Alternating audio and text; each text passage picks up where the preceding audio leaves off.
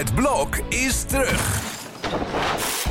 Vier koppels, vier bouwvallen, vier verbouwingen en dus een hele hoop stress. Het blok, iedere werkdag om half negen bij net vijf. Dit programma wordt mede mogelijk gemaakt door de Krasloten Decemberkalender.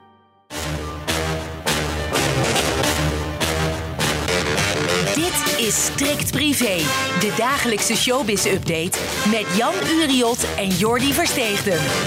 Alweer een nieuwe aflevering van de podcast Strikt Privé met jou Jan hier aan mijn zijde. Wat fijn, wat fijn dat je er weer bent. gezellig weer. Ja, en we hebben een hoop te bespreken, want het is echt een hele drukke showbizweek aan het worden. We gaan het zo hebben over het boek van Rob Kemps wat uitkomt. Oh ja, ja. Peter Gillis en Nicole treffen elkaar vandaag eigenlijk voor het eerst weer sinds die breuk, Mhm. maar niet echt op een leuke plek.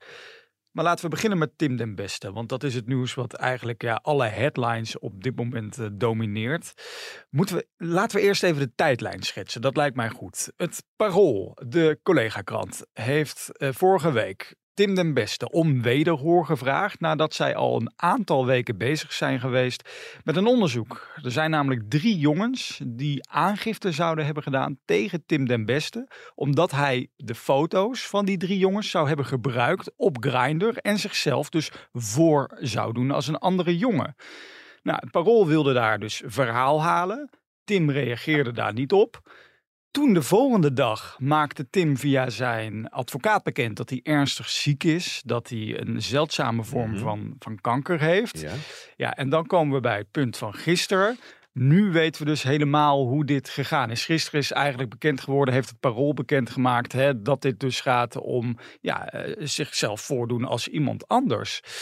Ja, ik, ik had gehoopt dat ik het korter kon vertellen, maar het is een ingewikkeld verhaal. Maar Jan, hoe een kijk jij een, hiernaar? eh, Een one-man show met jou aan het Ja. natuurlijk. Ja, dat kan allemaal maar in Timmyland. Of Timmyland. En, Een verwijzing naar zijn programma. Dat is een programma, ja. Ja. Ik denk dat eh, de koning ook wel geschrokken zal zijn. Want eh, hij heeft vorige week, vorig jaar heeft hij natuurlijk eh, onze koning eh, uitgebreid mogen spreken voor die VPRO. Mhm. Jeugdserie inderdaad. Ja, wat moet je hier nou weer... Het komt vaker voor.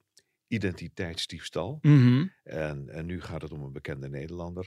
Dat is natuurlijk hartstikke fout. Ja. En eh, dat, is, dat moet allemaal niet gebeuren. Het is goed dat het nu naar boven komt. Mhm. Het is voor hem een beetje triest natuurlijk dat hij ook nog heel ernstig ziek zou zijn. Ja. Zou jij dan Ehm, nu publiceren? Als je weet hij is eh, ziek, zou je dan als parool zijnde zeggen van we brengen dit verhaal nu? Of had je er dan misschien even mee gewacht?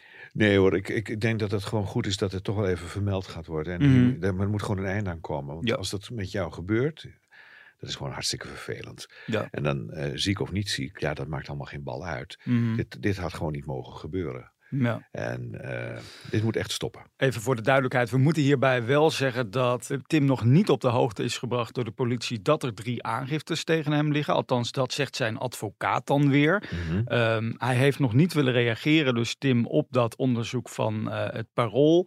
De VPRO zegt, hè, zijn omroep van ja, we zijn geschrokken door de beschuldigingen aan zijn adres, maar dit betreft nou echt een privé kwestie. De programma's die met hem gemaakt zijn, die worden de komende tijd eh, gewoon eh, uitgezonden. Ja, we blijven dit nieuws eh, de komende tijd volgen, Jan. Zeker. De rechtbank en de politie, ze hebben het er maar druk mee met al die BR'ers. Want ik zei het al, Peter Gillis en Nicole gaan elkaar vandaag treffen op een vervelende plek, namelijk bij de rechtbank. Ja.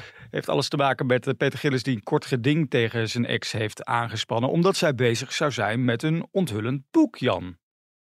Ja, nou ja, goed. Ik bedoel, en dat is eigenlijk eerder gezegd door de advocaat van Nicole. Mhm. Dat Peter daar niet in voor zou komen. Dat is natuurlijk iets ondenkbaar. Dat is teruggedraaid, geloof ik. Hè? Ja, nou hij zei het inderdaad vorige week tegen mij dat Peter er mogelijk niet in komt. En nu vandaag in een andere krant, het AD, lees ik dan weer dat Peter er wel in voorkomt. Dus het is, ja, Want waar zou het dan anders over moeten gaan met deze mevrouw? Nou, eh, zij heeft dus ook nog een, een ex waar ze gedoe mee heeft gehad. Waarmee ze die vier kinderen heeft. Die ze volgens mij op dit moment niet mag zien. Hmm. Dus daar speelt ook nog van alles omheen. En daar moet een heel boek over geschreven worden. En dat willen we allemaal lezen. Ik begrijp daar maar niks van. Eh, Jij gaat het niet kopen, begrijp ik. Nou ja, ik ga het Als wel het kopen. komt. Ik wil het ook wel lezen. Maar het gaat natuurlijk over Peter Gillis. Dat Ja. is dus duidelijk. Alleen Ja. er is natuurlijk van tevoren een vaststelling is er, eh, geweest. Een vaststellingsovereenkomst is inderdaad getekend door Peter en Nicole een paar paar dagen voordat zij in februari definitief uit elkaar gingen. En Nicole zegt daarvan nu van die heb ik onder dwang getekend. Dan had ze meteen aangifte moeten doen. Hmm. Ik word gedwongen om iets te tekenen wat ik niet wil. Hmm. Dus dat is een beetje onzin. Peter heeft natuurlijk eh, bij de eerste afleveringen... heeft hij Nicole een beetje weer inderdaad voor schut gezet. Want eh, die werd Van dan- Massa's Kassa, ja. ja. dat was natuurlijk dan ook niet zo erg fraai. Nee. Dus ik denk dat de rechter dit vandaag toch een beetje van de tafel gaat vegen. Van jongens, jullie zijn bijna hartstikke fout gegaan. Want die vaststelling, daar hebben jullie zich niet aan gehouden. Allebei niet. En eh, ik denk, dat geef elkaar de hand en uh, toedeledokie. Er zit geen straf. Wat voor straf moet je daar ook op geven, denk ik dan? Ja, volgens mij worden er vandaag niet zozeer straffen uitgedeeld. Maar moet de rechter dan vooral beslissen of Nicole zich aan die vaststellingsovereenkomst heeft gehouden of niet. Hmm. En mocht het antwoord daarop niet zijn, dan komt er weer een, een bodemprocedure. Ja, dat gaat Ja, nog heel ja, lang duren. Allemaal gezeur. Allemaal gezeur. Over boeken gesproken, Jan. Eh, Rob Kemps, Snollebollekes, vriend van de show, brengt vandaag Hemel op aarde uit. Ja. Boek over eh, de ja, Parijse begraafplaats. En die, ja, die ken jij heel goed, hè? Père Lachaise. Of Père Lachaise. Père Lachaise, ja. Ik bedoel, als je meer wil zien van Parijs dan de Eiffeltoren, dan kom je al gauw op die begraafplaats. Want daar liggen ja, alleen maar eigenlijk bijna beroemde eh, mensen. Ja. Rob heeft daar rondleidingen gegeven Ja. in, zijn- jonge jaren. Dat heeft hij ook allemaal verteld bij dat chansons en zo. Dat weten we nou allemaal wel. In elk interview is dat wel naar voren gekomen. Nou heeft hij een boek geschreven over die begraafplaats. Denk ik, nou, dit kan dan op de stapel, want er zijn heel veel boeken over Père Lachaise verschenen. En over alle beroemde doden die daar liggen. Mm. Ehm, eh, nou, ik weet precies waar het weer over gaat. Natuurlijk Piaf Lichter, Montand, Signoret, Jim Morrison Oh, van ja. de Doors. Ja. Dat is trouwens heel bijzonder en dat is ook heel, eh, eigenlijk heel eh, ordinair eigenlijk. Want als je naar het graf van Jim Morrison wil, dan heb je Rob Kemps niet nodig. Want er staan dus in de buurt van Jim Morrison allemaal pijlen op andere graven. En er staat eronder Jim Morrison die kant uit. ja, echt? Dat is Het echt is toch geen attractiepark, Jan? Nou, bijna wel. En eh, het, eh, kijk, ik weet precies waar, waar hij natuurlijk alweer mee komt. Dat is Victor Noir. Dat is een filosoof geweest, 200 jaar geleden geloof ik begraven. Ja. En die man is in brons vereeuwigd en die ligt eh, zeg maar in een liggende houding. Mhm. Met een, eh, maar dat- dat brons, dat hebben ze gegoten met een erectie. En- Wat? Wat is dit voor verhaal, Jan? Nou, dat ga je allemaal lezen in het boek van, van Rob. Hoor. ja, Moet dat je denk je. Maar wat is nou het verhaal daarvan? Ja. Dat hele bronzen beeld, dat is helemaal, ah, ah, ja, het is helemaal verweerd eigenlijk. Behalve dat ene, ene, ene deel. En dat komt, Ik zie het voor me. ja, nou ga maar kijken op Google, het is allemaal te vinden. Ja, ja. En eh, waar, wat is nou het verhaal hierachter? Ja, Wat is het verhaal, Jan? Vertel. Als je dat eh, aanraakt, dat geslachtsdeel, dan zeg maar dat bronzen geslachtsdeel, Ja. eh, dan vergroot dat de zwangerschap.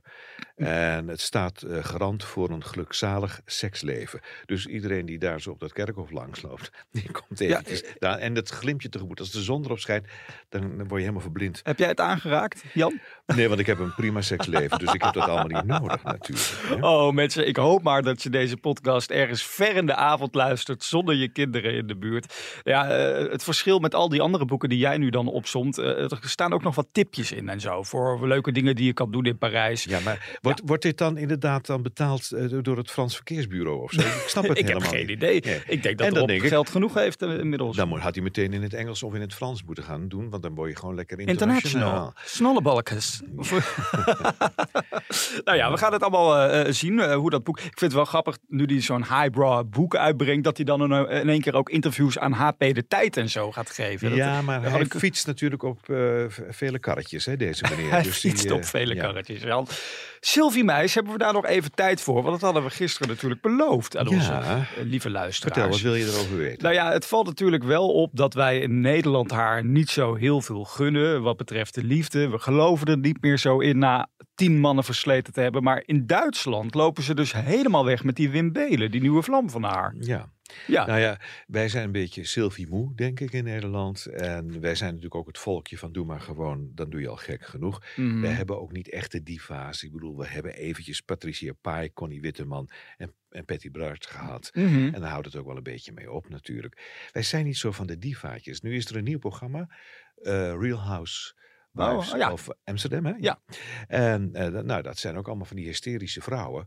Ik, ik smulde van en ik denk van, ja, hartstikke leuk. Het is jouw wereldje natuurlijk, een beetje, dat glamour je wel weer. Ja, Eh, maar het is, eh, het is hartstikke nep. Ja. En ja, dat is gewoon hilarisch. En dan moet je niet al te serieus nemen. Ehm, maar Sylvia, Sylvia zeg ik. Sylvia. Nagaan. Knippen we er niet uit, Jan. Ik, ik ben er al helemaal Jij bent echt van de glamour, hoor, ja. Nee, Ja. maar Sil die is natuurlijk eh, inderdaad die vele mannen. Ja. En dan ook inderdaad nooit met de groenteboer thuiskomen, maar altijd met iemand uit de quote 500. Ja, de mensen die, die lusten dat allemaal niet. En Duitsland smult ervan, nou ja, Ja. laat ze er lekker daar houden dan. Ze schrijven daar de bladen er vol mee met, met, met Sylvia, eh, Sylvie. Goed Jan, eh, wij zijn er weer doorheen. Morgen de laatste van de week, dan zit jij er ook. En dan mag jij ook, als je dat leuk vindt, je vindt het leuk, ik zie het aan je, de persconferentie doen. Dan mogen mensen jou showbiz-vragen stellen. Die kun je mailen via podcast.telegraaf.nl. Je zit er weer met frisse tegenzin morgen, hè Jan? Ja, precies. Ja. Tot dan.